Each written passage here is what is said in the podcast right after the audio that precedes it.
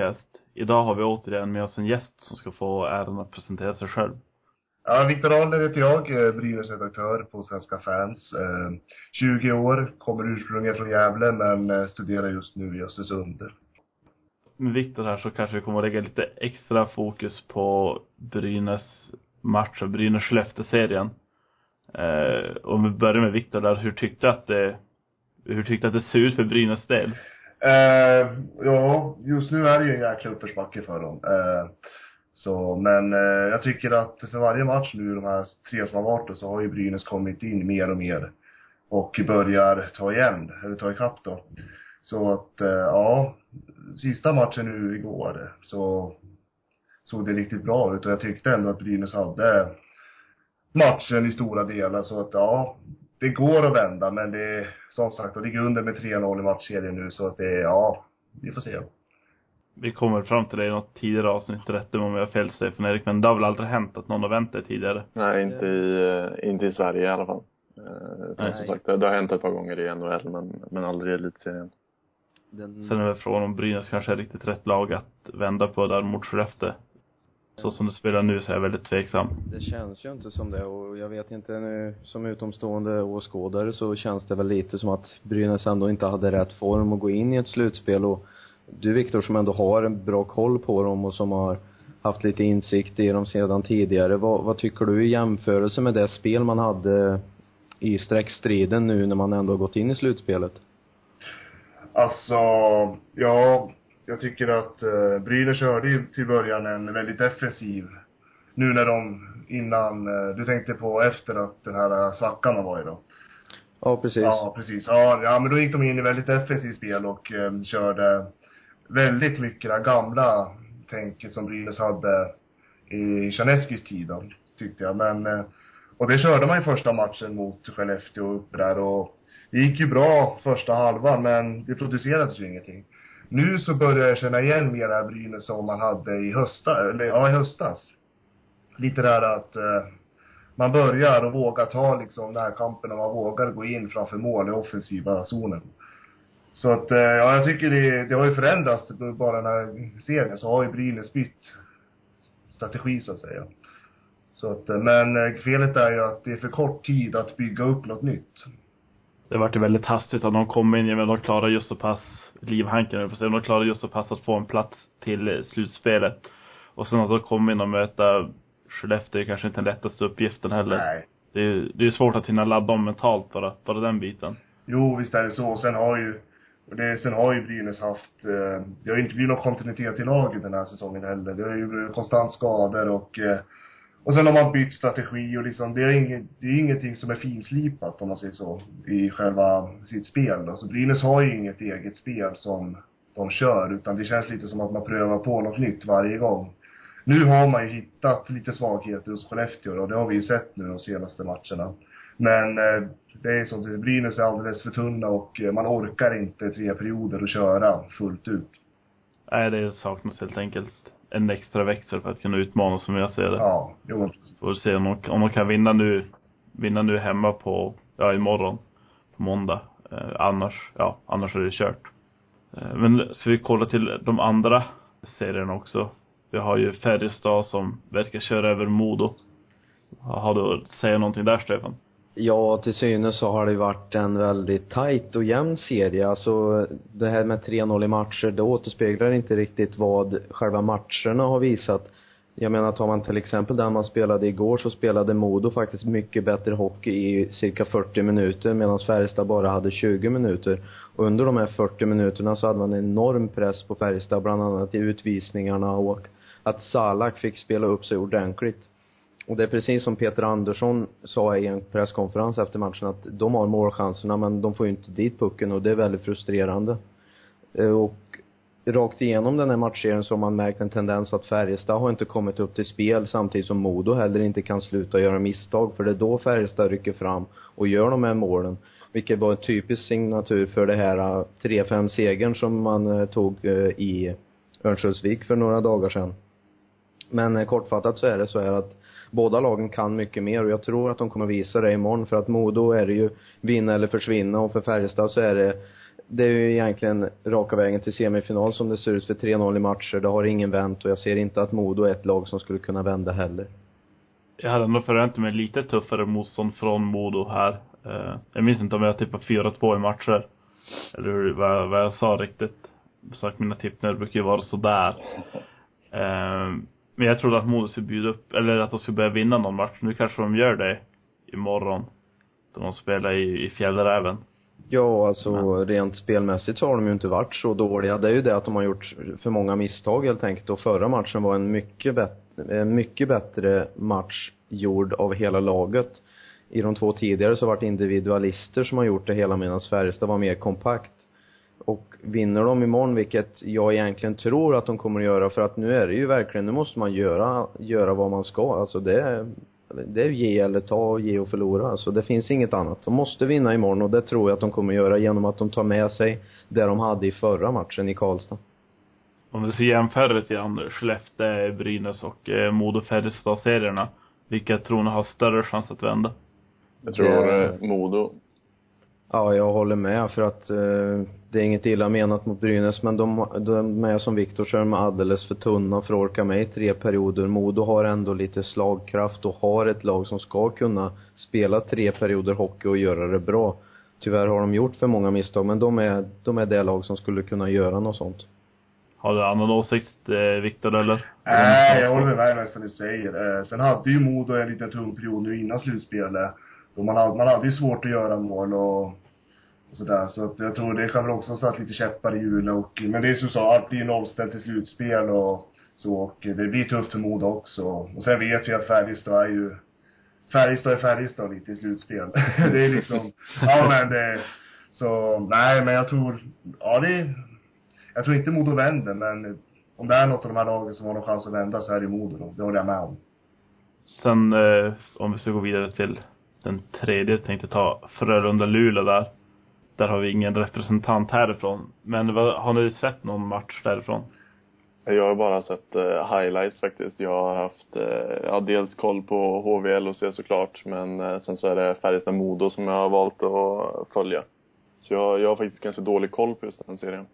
Har suttit och sett de, jag har sett alla matcher hittills. Förutom nu Linköpings match ikväll som vi inte har sett hela än. Men alltså Frölunda är ju faktiskt fruktansvärt dåliga. De, de är, ja, nej jag vet inte riktigt. Jag tror inte att de har, att de vann ju en match där.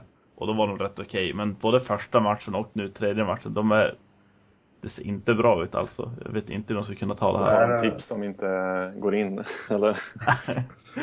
Ja, Nej men eh, Frölunda har ju, det- de är ojämna tycker jag. De har varit det hela säsongen. De är väldigt, eh, man vet inte riktigt vad man har dem. Eh, Luleå har ju, spelar ju mer jämnhet och eh, sen vet jag att Luleå har ju bra defensiv och, och jag tror, nej, Luleå är för svårt för Frölunda, det tror jag. Ja, jag håller med. Så att, Ja, jag var ju naiv nog att eh, i förra avsnittet tippa att Frölunda skulle ta där med 4-3 matcher. Eh, Det är inte kört. Nej, ja, jo, det är det nog faktiskt. De spelar riktigt dåligt. De tar utvisning på utvisning och Dick Axelsson har ju ett temperament som är liksom, jag vet inte, under all kritik. Det, han klarar inte av det här med press. Det är så påtagligt. Det är egentligen bara Joel Lundqvist och Julius Hudacek i mål som gör riktigt bra matcher. Men det, det räcker inte för att kunna rubba Luleå. Det är väl ändå lite förvånande med tanke på att eh, just Hudacek var ju väldigt uträknad av alla i början av säsongen. Att eh, han ändå har, har lyft sig så pass mycket som han har gjort. Det, det tycker Han jag är imponerande. Han var ju rätt så dålig i början på Ja, säsongen men också. inte rätt så dålig bara utan det var, alltså det är det jag menar att han fick ju skit och det var ju berättigat också. Ja. Ehm, Men det, det är ju kul att, att se att han i alla fall har, har lyft sig. Jo, se på saken då att eh, om man nu ändå hade, han hade ju tendensen att göra väldigt eh, märkbara tabbar under hela grundserien. Men nu har han ju ändå vänt på det här genom att vara som man ska vara i slutspel och det är bäst när det gäller. Tyvärr så gäller det inte det hela Frölunda som det ska vara och man säger att Dick Axelsson han klarar inte pressen. Joel Lundqvist är ändå en härförare men det är två spelare som leder ett helt lag, det räcker inte hela vägen. Tyvärr så får man väl säga att Hudacek kanske spelar i fel lag. Han skulle haft en mycket bättre backuppsättning framför sig tillsammans med en forwardskapacitet som kan pressa på och göra det svårt för Luleå. Dock så är ju Luleå som sagt inne i en bra formsvacka. De hade bra målskytte innan de gick in i slutspel. De hade bra självförtroende och stark defensiv så att deras form har egentligen bara fortsatt in i slutspelet medan Frölunda som ni säger fortsätter att vara ojämna som de har tenderat att vara under hela säsongen. Ja, så det, det känns som att mitt tips där gick lite, gick lite sådär faktiskt. Jag känner mig inte helt bekväm med det. Eh, ja, det är inte slut. Tror jag, det är... Ja, men så gott som. Jag, jag säger inte att de ska kunna vända det här. Tyvärr, för, för min del då. Som har tippat så fel. Det gör ju, ja det gör ju ändå saken att kunna försöka vinna på bortaplan för båda de här lagen. För nu har ju ändå Luleå tagit två hemma och Frölunda en hemma. Det viktiga är ju för vilket lag i den här serien som helst att ta en bortaskall för att det är då egentligen det kan avgöras. För vinner som du säger, du kanske tror att det är avgjort nu, men jag är helt säker på att vinner de nu nästa match i Skandinavium, då är det verkligen färdigt att Luleå kommer gå till semifinal. Ja, ja vi får se hur det där kommer gå. Det ser fram emot i alla fall. Sen har vi sista matchen också som vi kom alldeles färskt från, så jag vet inte hur Erik mår mentalt riktigt än. Han återhämtar sig. Du kan ju få berätta själv vad som hände där lite Erik. Ja, nej men eh, det blev ju eh, slutspelets första sudden death och det är ju alltid roligt för de som inte håller på ena laget. Ehm, nej men så att eh, det, det var ju den jämnaste matchen hittills. Det var en lite konstig serie på så sätt i och med att HV verkligen körde över Linköping i första matchen. Ehm, och sen så, sen ska jag absolut inte säga att Linköping körde över HV i match nummer två. Det var, det var en ganska jämn match, men siffrorna stack iväg lite på slutet. Så att den slutade ju 6-1. Men nu var det ju målmässigt jämnt en stor del av matchen. Eh, och så gick det ju som sagt i övertid. Och eh, jag själv är ju tacksam då att, eh, att det var Per Ahlbrand som avgjorde. Sedan har du ju en eh, viss eh, Andreas Jämtin som varit i fokus nu i två raka matcher som ändå har fallit till Linköpings fördel om man säger så för matchstraffet i, i match två och nu en hakning som tenderade till straffen i övertid där Per Albrandt avgjorde är ju ändå någonting som visat på vart matchen skulle gå när Andreas Jämtin är involverad. Ja, alltså till viss del kan jag hålla med. Just framförallt förra matchen är det klart att det är ju riktigt klantigt av honom. Men eh, i, i det här läget så, jag vet inte, det fanns väl egentligen inte så mycket att göra. Vad ska man göra när Mattias Weinhandel kommer fri? Man kan inte gärna bara låta honom ta avslutet. um, ehm, så jag vet inte om jag, jag skulle skylla det på honom. Um, men um, som sagt, det, det är tacksamt för, för mig som supporter i alla fall. Ja, han, eh, han har ju verkligen hamnat helt luften genom tid nu. Eh, den där sparingen var inte så jättesnygg han gjorde förra matchen. Och skulle väl kanske egentligen, jag skulle gärna sett att det vart något längre på, längre straff av det, men det kan det ju tydligen inte bli. Eftersom det inte vart någon skada. Du behandlas ju likadant och det är i båset som ute på isen om, av någon anledning. Eh, borde de se över det där. Men jag menar, ikväll också då han, då han eh, hakade Weinhandel. Eh, kommentatorerna var inte så jätte enade om att det var straff direkt kanske. Nej, det var väl lite delade meningar men eh, ja, jag, jag ska väl egentligen inte uttala mig om det. Men um, det, det döms ju få straffar i vanliga fall så att uh, det är klart att man kan ju tycka att det är lite konstigt att det blir en straff nu. För med, i grundserien ser du ju, eh, vad ska man säga, farligare lägen där det inte blir straff. Men, mm. eh, men jag, jag, kan inte säga att det är fel att, att döma straff. Jag tänkte, hur tror du det kommer att se ut de kommande matcherna här? Det här är en serie jag har sämst koll på personligen.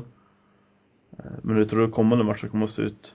Jag tror vi kommer få se mer av, alltså, eftermiddagens match som det var idag. Det kommer nog vara lite tajtare. Det var inte sådär jätte grisigt idag. Det var, var, var nog mer tidigare matcher utan nu känns det som att båda lagen har, har fått sig en, en känga och nu gäller det att skärpa till sig. Så jag, jag, tror vi kommer få se flera matcher som liknar, eh, liknar dagens match. Där det är tätt och, och jämnt målmässigt. Något jag också är ganska förvånad över att det är så mycket mål i de där matcherna. Jag menar 6-0, 6-1 och nu 5-4. Med, med Gustav Wessla och Engstrand i målen. Jag trodde inte att det skulle bli riktigt så mycket mål.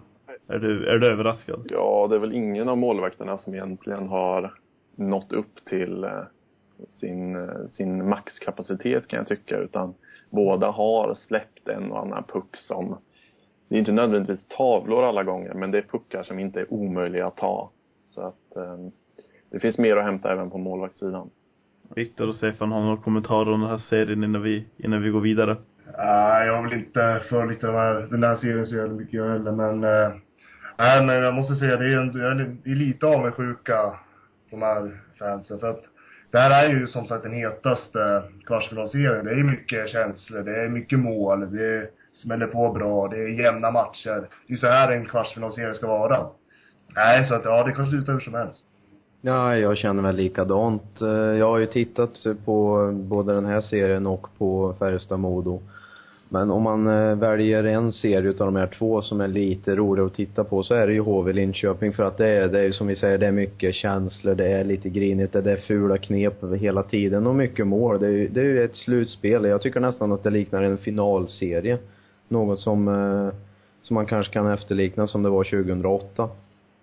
Men jag tror också att det rinner över lite för mycket om man tittar på det här med målvaktsfrågan. Det, det är väldigt nödvändigt för både Engstrand och Veslau att visa att man är en slutspelsmålvakt. Ja, för Veslaus skull som ändå har varit med och, och spelat slutspel, han måste visa vad han går för, för det här är väldigt illa. Målvaktsspel och försvarsspelet ska man ju inte tala om, för det har varit alldeles för mycket misstag från båda hållen. Eh, men då kanske vi får ta avrunda där och gå vidare till nästa punkt för dagen. Och det var vi har snackat om det här tidigare, typ bland våra första avsnitt, om tacklingar som renderar i skador. Eh, det var ju en redan efter, var det 58 sekunder mellan just Skellefteå och Brynäs då, då Robin Jakobsson, Jakobsson tacklade Pierre-Edouard Belmar. Vad tyckte du om den tack tacklingen, Viktor? Uh, ja, det där var ju jäkligt olyckligt. Uh, jag har ju kollat på den där reprisen, reprisen flera gånger nu och man ser att Jakobsson försöker böja sig ner för att inte komma åt huvudet då, men uh, som sagt, det är väldigt olyckligt och uh, egentligen, han har ju tid att inte gå på där.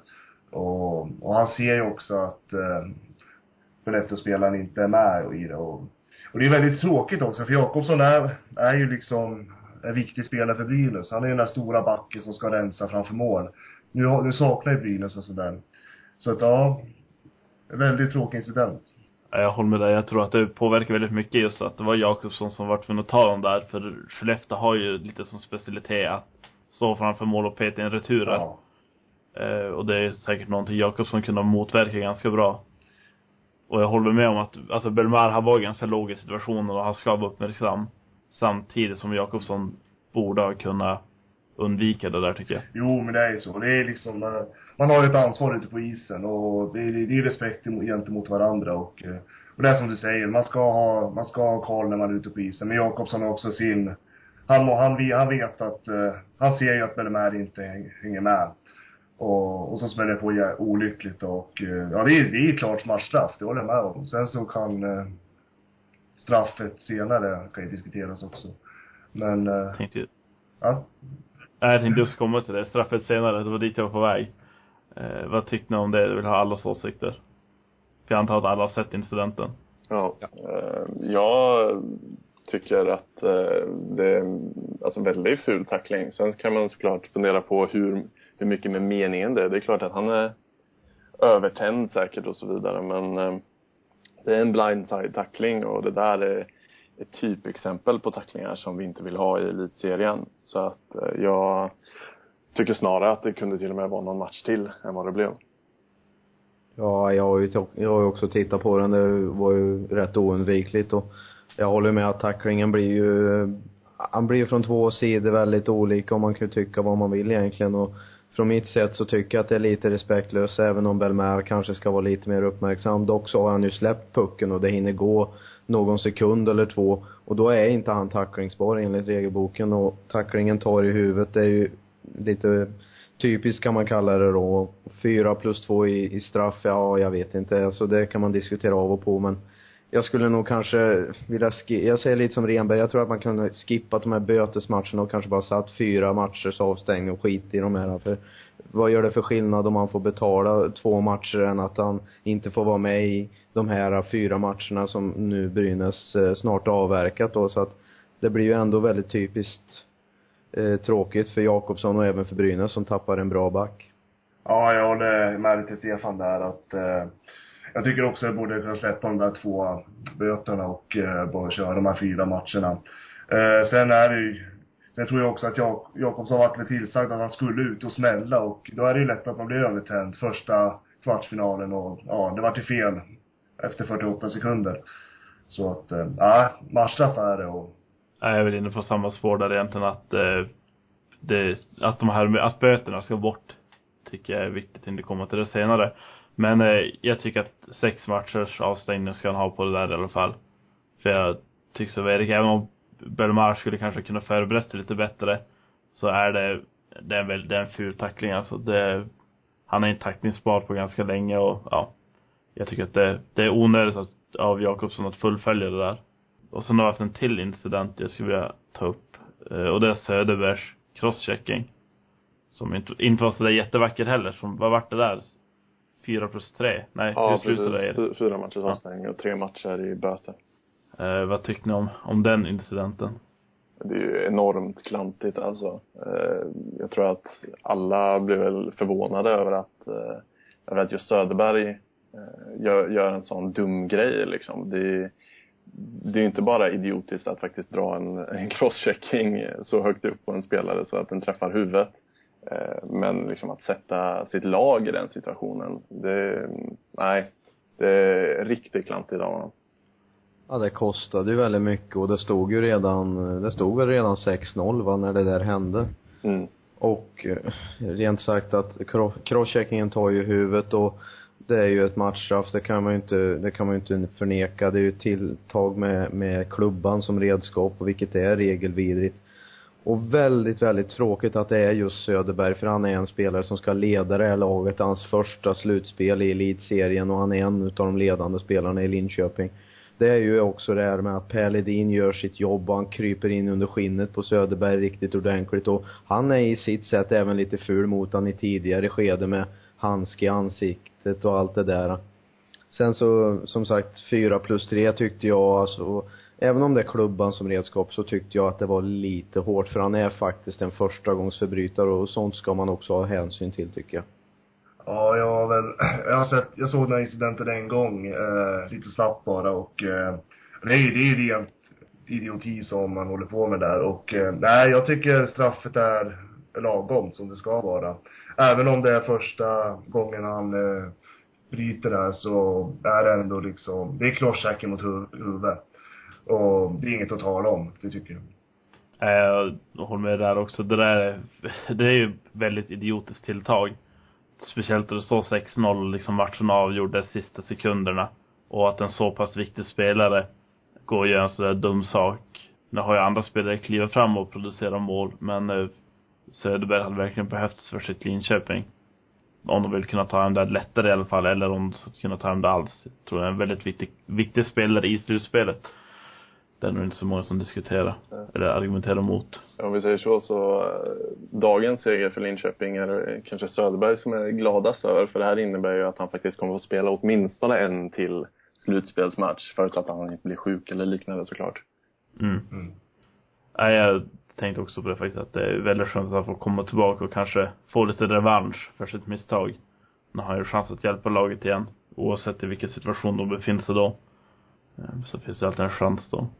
Eh, nu har vi egentligen tagit upp nästa sak jag tänkte komma till och det var att ta bort, eller ta bort eller behålla böter i straffen. Är det någon som tycker att, att böter är ett vettigt alternativ?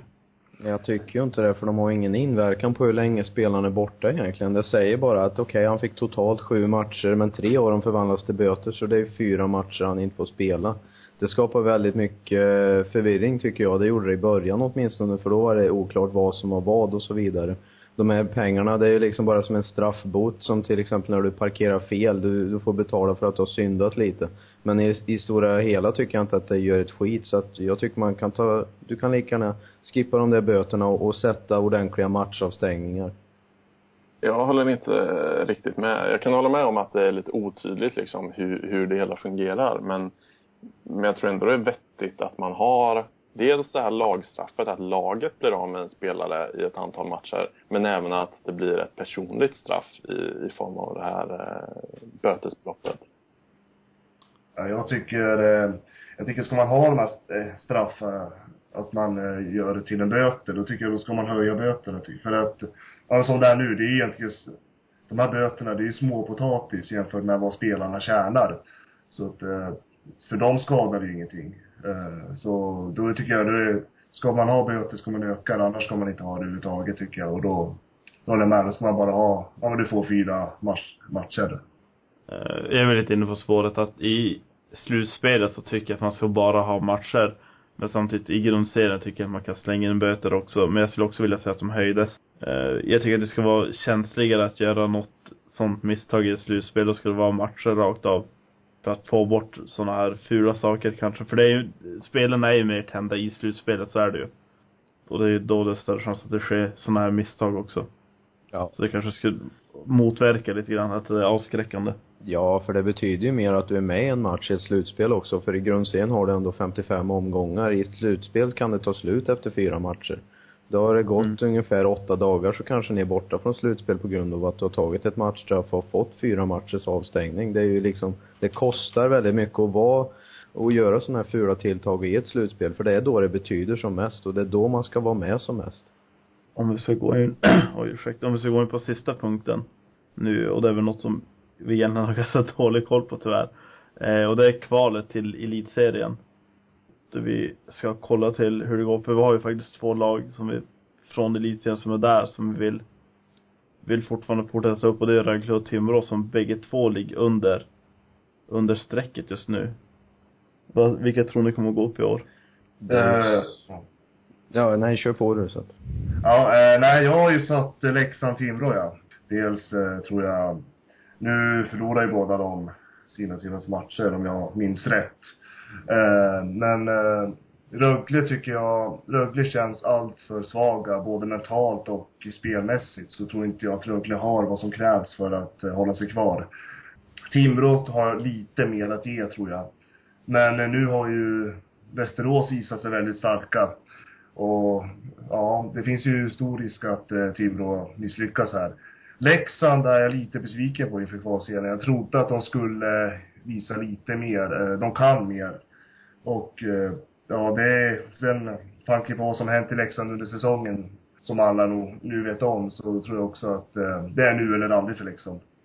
Ja, jag har ju också gått lite på det med Leksandsspåret för de var ju ändå, och det är ju rätt så naturligt för de var ändå det bästa laget i allsvenskan i år så att och deras vinst i, i premiären mot Södertälje var extremt viktig för det är en konkurrent ifrån allsvenskan samtidigt som att varje poäng är viktig i den här kvalserien. Sedan att man tappade 0-2 ledning eh, till 5-2 borta mot Örebro, det är ju extremt dåligt och där var ju Örebro det mycket bättre laget för man hade mycket mer vilja och det syntes verkligen i coachningen på, eh, på tränaren där i Örebro. Han är Peter Andersson va. Eh, Västerås har ju överraskat enligt mig för jag hade inte räknat dem som ett lag som skulle ligga ovanför strecket eller ens vara i närheten. Rögle och Timrå har väl lite markat bort tycker jag. De, eh, de känns inte som ett elitserielag så att de kommer nog troligtvis trilla ner. Ja, jag vet. Alltså det, det är svårt. Det har ju bara gått två matcher och eh, det enda som jag väl egentligen skulle vilja säga redan nu är väl att Södertälje är, är borträknade. För in, inte en enda poäng på de två första matcherna tror jag gör att, att man, det räcker liksom inte. Men i övrigt så tror jag faktiskt att alla, alla har chansen. Ehm, jag, menar, jag skulle tycka det var skithäftigt om eh, typ Västerås och Örebro gick upp men eh, eh, åtminstone ett av elitserielagen tror jag kommer klara av det. Och jag, jag kan nog hålla med lite där om eh, som, som Viktor sa om eh, Rögle och Timrå att det känns som att Timrå kanske är lite stabilare ändå. Eh, Rögle tycker jag i alla fall har högre toppar men eh, å andra sidan alldeles för djupa dalar. Så frågan är om det, det kommer räcka till. Så ja, men kanske ändå att Timrå kan klara det. Jag är lite inne på Eriks spår där att eh, Rögle har högre toppar och djupare dalar än Timrå. Men jag tror att Rögle kommer att klara av elitserielicensen tillsammans med Västerås som jag tror går upp. Det är mina tips. Jag tror att Timrå kommer få spela, få spela allsvenskan och även Leksand. Och om Leksand får göra det, blir det blir spännande för deras ekonomi, hur de ska lösa det här.